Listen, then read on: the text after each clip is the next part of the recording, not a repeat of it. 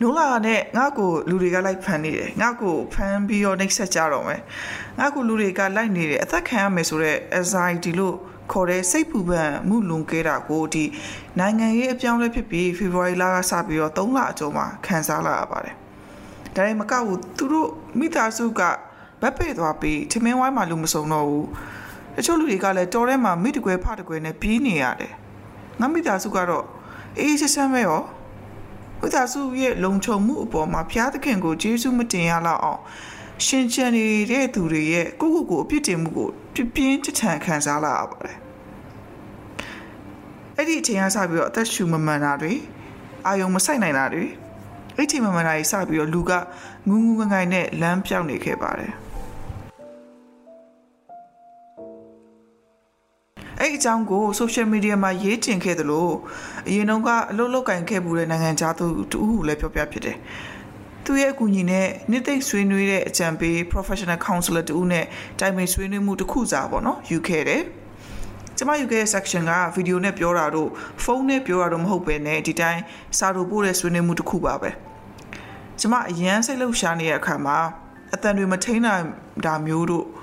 ငိုမိတာမျိုးတို့ဆိုရင်သူများရှေ့မှာကိုမသိရသူရှေ့မှာပေါ့နော်ရှက်တာမို့စာဖို့တာကိုပဲရွေးချယ်လိုက်ကြပါပထမဆုံးအနေနဲ့သူကကျမကိုအခုဘယ်လိုခံစားနေရတယ်လဲဆိုပြီးမေးတယ်အော်ကျမကလည်းဟိုရှောက်ပြောဒီရှောက်ပြောနေပေါ့မြန်မာနိုင်ငံတောင်ပိုင်းရောက်လိုက်မြန်မာနိုင်ငံမြောက်ပိုင်းရောက်လိုက်နဲ့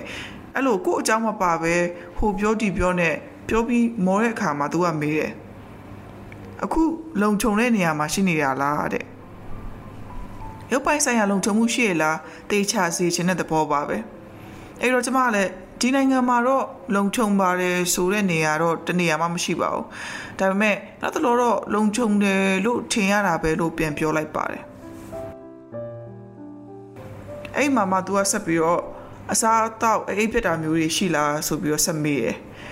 ကျမကအော်အစားအသောက်တော့ပုံမှန်ပဲစားဖြစ်ပါတယ်အိတ်တာတော့နောက်ကြတယ်သိပြီးတော့အိတ်မပျော်ဘူးလို့ပြောလိုက်တယ် အဲ့ခါမှာ तू ကမအိတ်ခင်ဘာတွေတွေးဖြစ်တယ်လဲဆိုပြီးတော့မေးတယ်အဲ့တော့ကျမကကျမအရန်ကြောက်နေကြောင်းရယ်ကျမကိုကျမအပြစ်ရှိရလို့ခံစားနေရတယ်ဆိုပြီးတော့ပြောပြလိုက်ပါတယ်နေ့သိအကြံပေးရသူကပထမဆုံးအနေနဲ့ဟိုကြောက်နေရတဲ့ပတ်သက်ပြီးတော့လောလောလတ်လတ်လုံခြုံနေသေးတာမို့မနှက်ဖြန်အတွက်မပူပဲနဲ့ဒီနေ့အတွက်လုံခြုံအောင်အိပ်ဖို့ပြောပါတယ် ဒီလိုမျိုးနေ့တိုင်းဘုံပေါက်နေတာတို့အိမ်ရှိမှာဘယ်အချိန်တကားလာခောက်နေမလဲဆိုတော့စိတ်တွေကလူတိုင်းစိတ်ပူနေရတဲ့အရာဖြစ်ပြီးလက်ရှိအချိန်တွေမှာစိတ်ကိုငြိမ်ငြိမ်ထားပြီးတော့ဖြစ်တမ်းဖို့အကြောက်မလုံးဖို့ဖြစ်ဖြစ်ချင်းပြောပါတယ်ပြီးတော့နိုင်ငံရေးအပြောင်းလဲမဖြစ်ခင်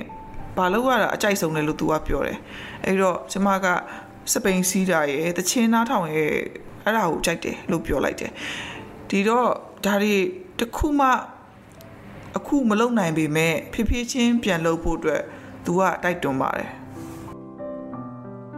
ဒုတိယတစ်ခုအနေနဲ့ကိုကိုကိုအပြစ်ရှိရလို့ခံစားနေရတဲ့အပေါ်မှာသူကခက်ခိုင်မာမာနဲ့လူတစ်ယောက်မှာသူလုံနိုင်တဲ့အတိုင်းတာ limit ရှိရလို့ပြောလိုက်တယ်အဲစကားကိုကြားတဲ့အခါမှာဆိုအရန်ငိုချလာပြီးတော့စာရိုက်ရင်းနဲ့မျက်ရည်ကျလာတယ်။ဘာကြောင့် သူများတွေအသက်ပေးနေတဲ့အချိန်ငါဘာလို့ရှင်နေခဲ့ရတယ်လဲဆိုပြီးတော့ရှင်သက်မှုပေါ်မှာမေကွန်းထုတ်နေတဲ့အချိန်ဒီစကားကိုကြားလိုက်တော့လေတကယ်အမှန်တရားတစ်ခုကိုသိသွားတာပါပဲ။မိမကလူပဲလူမကလုံနိုင်တဲ့အတိုင်းတာရှိရလို့သူကပြောတယ်။အဲ့အပြင်အခုဖြစ်လာတဲ့ပြဿနာတွေကကိုရှာခဲ့တဲ့ပြဿနာတွေလားလို့မေးတယ်။မဟုတ်ပါဘူး။ဟိုကျမလည်းခံရတဲ့သူပဲ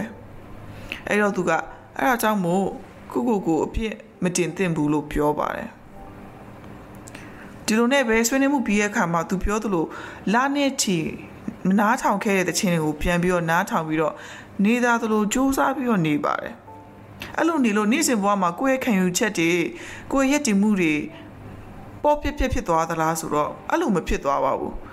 စိတ်ခံစားချက်ကိုလိုက်ပြီးတော့ဟိုတွေးတီတွေးလုံနေတဲ့အချိန်တွေထက်လှုပ်တင်တာကိုဒီဇိုင်းမတ်မတ်လုပ်လာပါတယ် တစ်ချိန်ကအားငယ်တာတွေကိုကိုကိုအပြစ်တင်တဲ့စိတ်တွေကြောင့်အင်အားကုန်ခဲ့တာတွေကိုမဖြစ်စေဘဲနဲ့ဖြစ်တဲ့ဖြစ်တိုက်တာတွေတကယ်အကူညီလိုနေတဲ့နေရာတွေမှာဝင်လောက်တဲ့အခါလူကစိတ်ကြမ်းမာရေးပိုးပြီးတော့ကောင်းလာပါတယ်ဒါက counseling ကြောင့်ပြောင်းလဲလာတဲ့အပြောင်းလဲတွေပါပဲလူတော်တော်များများက counseling section ကိုဘာကြောင့်ယူသင့်တယ်လဲဆိုတာမသိကြပါဘူးတကယ်တမ်းလက်ရှိအချိန်မှာတော့အများကြီးအများကြီးကူညီရခဲ့ပါတယ် အခုလက်ရှိဆွေးနွေးမှုကိုလူတွေကတိတ်မပြောပြကြပါဘူးဒါပေမဲ့ကိုယ့်အနေနဲ့တော့ဒီ podcast မှာပြောပြခြင်းအကြောင်းရင်းကကိုယ့်လိုခံစားနေရမယ့်သူတွေရှိမယ်လို့ယုံကြည်လို့ပါဘလို့ပုံစံမျိုးနဲ့ကြော်လွှားပါလို့အကြံမပေးချင်ပေမဲ့အခု counselor နဲ့ဆွေးနွေးခဲ့တာတွေကိုနားထောင်ပြီးတော့ကိုယ်နဲ့ကြိုက်မယ်ဆိုရင်လိုက်လုပ်ကြည့်ပါအခုနားထောင်နေတဲ့သူကို Orange Enemy Podcast ကနေအမြဲတမ်းအားပေးနေပါတယ် ဒီဖက်ရဲ့ podcast ကတော့တော့ပါပဲနောက်ပတ်မှာပြန်လဲဆုံတွေ့ကြအောင်မယ်နော်